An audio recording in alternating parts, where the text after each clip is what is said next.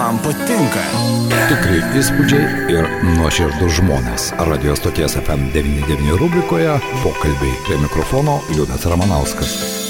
Bičiuliai, tęsime mūsų pokalbių rubriką. Šiandien mūsų studijoje viešė muziejininkas, gydas, istorikas Vilmantas Dunderis. Labadiena, Vilmantai. Labadiena, Liudai. Malonu matyti, jo lab, kad kalbame apie neįlinį įvykį ir štai šį šeštadienį, rytoj, beje, penktadienį mes prisiminsime visus sušaudytus žydus, žydų atminimo diena, man rodos, iš tikrųjų, ir štai šeštadienį Lietuvoje tikrai neįlinis įvykis į Lietų sugrįžta Sadė Bahatas ir jo skulptūros, ne tik jis pats, bet ir jo kūrinys kūriniai. Tai štai, Vilmantai, kiek tavo nuomonė tai yra reikšmingas ir tiek kultūrinė, tiek istorinė prasme, kalbant apie tam tikrą sąsąją su tarpukario žydų bendruomenė, kuri gyveno Lietuvoje, jų buvo daug, jie paliko labai ryškų pėdsaką. Tai štai, kiek istorinės yra atminties svarbos ir kiek, žinoma, kūrybinės, nes tai yra jau skulptūros, skulptūros reliefai, kurie atkeliavo į Lietuvos kraštotyros muziejų. Na taip, istorinė reikšmė tai yra labai svarbus įvykis, nes dabar netgi Sadė Bahatas dažnai yra pri, prilyginamas kaip, žmogu, kaip žmogus legenda, nes yra tavęs tiesiog pavyzdžių įkvėpimo e, ir, ryšto e, įveikti įvairius gyvenimo nepriteklius negantas ir siekti savo gyvenimo tikslų. Juk ne veltui apie Izraelį ir sukurti ir dokumentiniai filmai išleista ir biografinė knyga. Ir tai yra ryškus pavyzdys, kaip žmogus patyręs štai tokias didelės negandas, vis dėlto sugeba siekti savo tikslų, kaip sugeba jas įveikti. Na, iš kitos pusės aš jį visą laiką pristatau kaip žmogų, kaip pavyzdį, kaip reikia mylėti savo miestą. Na, įsivaizduokim, jisai išvykęs iš Žalitaus 1939, prieš 83 metus. Kiek jam buvo tada metų? E, tada jam buvo 11.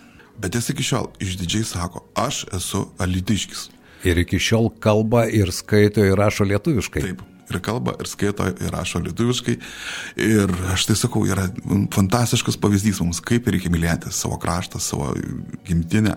Ir tai, kas yra sukurta čia. Aš atsimenu, kai pirmą kartą jis viešėjo mūsų radijos studijoje, aš nustebau jo kalbos išraiškingumu, jis mane tikrai nustebino, amžiuje jau esantis žmogus. E, Alitiškiams ir mūsų klausytojams beje norėtume priminti, jeigu jūs kažkiek žinote Alitų, ko gero visi esate praėję pro Mendelio Bokšitskio namą, ar ne? Tai yra tas namas, kurį Alitiškiai žino kaip namas su liutukais. Būtent tas namas, kurį jo tėtė pastatė ir kuriame jis praleido savo vaikystę. Taip, būtent tai yra Mendelio Vokšiskio sunus, garsaus tarpukurio Lietuvos advokato. Na, kita prasme, tai yra paskutinis žmogus, gyvas pasaulyje esantis žmogus, kuris mus sieja su tarpukurio Lietuvos bendruomenė. Nes tai yra būtent tos bendruomenės palikuonis. Pats gyvenęs, pasmenantis, tai kad, kas buvo prieš karą ir dėl to mus yra daras e, brangesnis ir mielesnis. Na ir štai šeštadienį tokia žydams ko gero keista diena, vis dėlto šabas turbūt e, atidaroma jo kūrybos knygos paroda ir ne tik paroda, ir pats e, Sadė irgi lankysis Alituje, ar ne? Kiek žinau, jis atvyksta ne vienas, Vilmantai papasakos, kaip papasakok visas detalės. Taip, atvyksta jisai tikrai ne vienas, atvyksta ir dalis jo šeimos narių, bet kartu su juo atvažiuoja na, 29 žmonių delegacija, kurie atvyksta štai parodos atidarimą, tiesa, penktadienį dalyvaus Vilniuje, paneriuose, minėjimo renginiuose įvairiuose, ir būtent ši, o šeštadienį jie visi atvažiuos pas mus į Alitų. Bet parodos atidarimas yra tik vienas akcentas, kadangi mes turim dar dar vieną staigmeną. Na, aš kaip minėjau, kad Izraelija prieš keliarius metus buvo apie Sadę sukurta ir dokumentinis filmas, išleista jo biografinė knyga anglų kalba, o štai šiais metais prie e, Lietuvos žydų biblioteka yra sukūrusi paramos fondą. Tai šio fondo iniciatyva buvo šita knyga išversta į lietuvių kalbą. Ir jos pristatymas, pirmasis pristatymas šitos knygos, Sadė Bahatas iš vaikystės rojaus į pragarą ir atgal, na toks knygos pavadinimas, jinai bus pristatoma kaip tik šito renginio metu. Tik atidarom parodą ir pristatom knygą lietuvių kalba. Atvykę į parodos atidarimą turės galimybę įsigyti ir šią knygą ir gauti vat, herojaus ir autografą. Taip, solidaus amžiaus, jis vis tik tai iš ties ne tik teoriškai palaiko tą ryšį su savo gimtinė, ne veltui Vilmantai tu sakei, tai yra puikus pavyzdys, kaip reikia mylėti savo miestą, bet ir atvažiuoja į tą miestą ir ne vienas, ir ne pirmą kartą, ar ne, bet kuo toliau amžius daro irgi savo. Dar vienas įdomus faktas - atgabenti savo skulptūras, beje, e, kokia kolekcija, kokia ekspozicija bus, kiek mes matysime skulptūrų, reliefų. Atkeliavo 25 skulptūros, tai yra marmuro, kalkakminio, raudonmedžio ir plieno kūriniai taip pat, bet 25 skulptūrų dar atkeliavo 5 bareljefai, tai iš viso 30 kūrinių bus pristatyta. Na štai, tokia kolekcija. Jie atgabenti iš Izraelio ne tik yra sudėtinga logistinė prasme, bet ir kainuoja nemažai. Kas finansavo šios parodos pristatymą Alytuje? Na čia jo, irgi paradoksalus gaunasi atvejis, kadangi e, rašėm projektą, projekto nefinansavo kultūros taryba, tai Sadė pas tiesiog pasiryžo ir skiria lėšų tam, kad e, skulptūros atkeliautų ir skulptūros sugrįžtų namo. Tai būtent finansavo visą e, parodos logistiką ir transportavimą. Maža to, jis finansavo ir didesnę dalį knygos vertimo į lietuvių kalbą nes ten irgi buvo Vilniečiams iškilę problemos su finansavimu ir būtent tas projektas irgi buvo pristrigęs. Taip kad, e, kaip matom, žmogus netgi tam, kad mm, suteikti kažkokį džiaugsmą savo gimtinį, negali net ir finansinių lėšų savo asmeninių. Na štai, beje, Sadijos gyvenimą Vilmantai puikiai žinai, jeigu prisiminant, 11 metų jis 39 metais kartu su savo šeima persikėlė į Vilnių, po to karas, holokaustas ir ar žinai tas detalės, kaip jam pavyko išlikti likti, po to jis atsirado Izraelėje. Ilgą laiką jis juk buvo inžinierius ir dirbo gynybos rytyje, kas Izraelėje tuo metu, prisimenant šios valstybės visą istoriją, tai buvo vienas iš pagrindinių dalykų, nes Izraelis visada yra apsuptyje. Ir tik vėliau, kai jis jau išėjo užtarnautą polisį, jis atsidavė savo aistrai, tai yra skulptūrų kūrimui, kūrybiniam darbui. Taip, iš tiesų taip ir buvo, nes kada šeima išsikėlė 309 metais iš Alitaus į Vilnių, kaip ir jisai visą laiką pabrėžė net ir savo biografinėje knygoje, va štai tas laikotarpis Lietuvoje, tai buvo laimingiausi jo gyvenimo metai, nes visa šeima buvo kartu, jie buvo laimingi, jie buvo kartu vienas kitą mylėjo.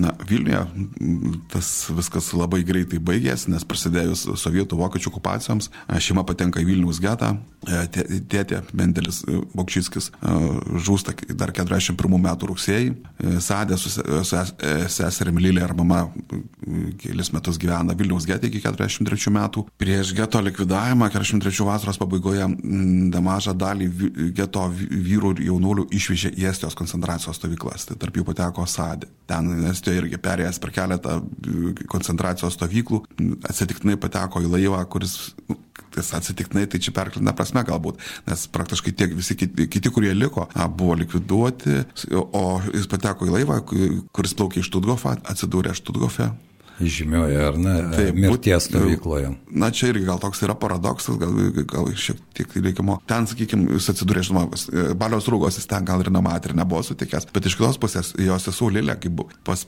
pabėgo iš Vilniaus geto, tai vienas iš žmonių, kuris irgi padėjo e, slapsytis, tai buvo Vantas Rogienė. O Štutgofe vėl, ten irgi e, taip susiklostė, gan irgi šiek tiek ir įdomi, kadangi praktiškai visus atvežtus e, berniukus ir paauglius iš karto gabeno į Aušvicą. Šeši tik tais išvengė to likimo, tarptų šešių atsidūrė ir sadė. Tuo metu buvo kiek? 15 metų? 14, Tuo metu 5? 45. Ir 16. 16. Ne, 17, Taip. beveik. Tai vad būtent ten irgi e, sugebėjo už duonos kasnį praktiškai išsikeisti į kito žmogaus dokumentus, jau žuvusio, pasikeitė tam vardą, pavardę ir vat, svetimo vardus gebėjo taip išgyventi. Išgyveno tos kelius mėnesius iki e, karo pabaigos, o vėliau, kada baigėsi karas, tai tiesiog irgi ten buvo įkalintas ir jo dėdė, giminaitis. Tai vad sužinoja, kad Lietuvoje praktiškai giminių nebeliko. Visi viena, buvo išžudyti. Taip, da vienas keliauti į Palestiną. O ten vėl 46 metais pasiekus Palestiną, vėl kaip tik prasideda ir kovos dėl Izraelio nepriklausomybės, ten tenka jaunuolių imti ginklą rankas, dalyvauti kovose. O po kovų, aišku, mokėsi, baigė mokslus ir, kaip jau ir minėjai, taip dirbo inžinieriumi karo pramonės įstaigose. Beje, kalbant apie jo kūrybą, jo darbai buvo pristatyti daugelį pasaulio šalių ir Junktinės Amerikos valstijose, Japonijoje, Vietname, Austrijoje, Italijoje, Prancūzijoje, tame tarpe ir Lietuvoje. Ir štai šie darbai dabar bus eksponuojami jau nuo šeštadienio Lietuvos kraštotyros muziejuje. Beje, kiek laiko ekspozicija bus Lietuvoje, nes aš prisimenu su juo kažkada kalbėjom ir jis tai išreiškė norą, kad na bent vienas kitas darbas liktų Lietuvoje jo gimtajame mieste. Kaip bus bus dabar? Na, dėja, šį kartą neliks ne vienas darbas, nors lyg ir buvo aš pradžioje, pradžioje tokios kalbos, kad galbūt ir padovanos, bet na, šiek tiek situacija yra kita. Tai dabar tikrai ne, darbų e, kol kas nepadovanos mums. Paroda truks mėnesį laiko. Nes, kaip ir pasakė, man sako, irgi, lab, sako, nėra lengva išleisti iš namų, nes jis namuose irgi turi įsirengę savo darbų privačią galeriją, taip, taip. irgi žmonės gali lankyti. Taip, kad irgi sako, noriu, kad, aišku, parodyti ir e, Lietuvos gyventojams, bet norisi, kad ir namo sugrįžtų, tuo labiau, kad atsižvelgiant ir jo garbingą amžių. Kiek jam dabar metų? Liepos 28 buvo 94. 94 metai. Štai tokio amžiaus Sadė Bahatas atvažiuoja į Elitų ir bičiuliai, jeigu turite galimybę iš ties pamatyti ir noro pamatyti jo darbus šeštadienį, tai bus rugsėjo 24 diena, 17 val. užsukite į Lietuvos kraštotyros muziejų, atvyksta didelė delegacija, aš nebejoju, kad ir alitiškiai tikrai ateis pasižiūrėti į šią parodą. Vilmatai, kadangi daug prisidėjai prie šios parodos atsiradimo Alituje, kas buvo sunkiausia, kas buvo sudėtingiausia? Oi, sunku buvo tikrai, kai kuris momentais, bet gal nesinori išnekėti dabar apie tos sunkumus, geriau džiaugtis tuo, kad darbai praktiškai vat, jau beveik padaryti.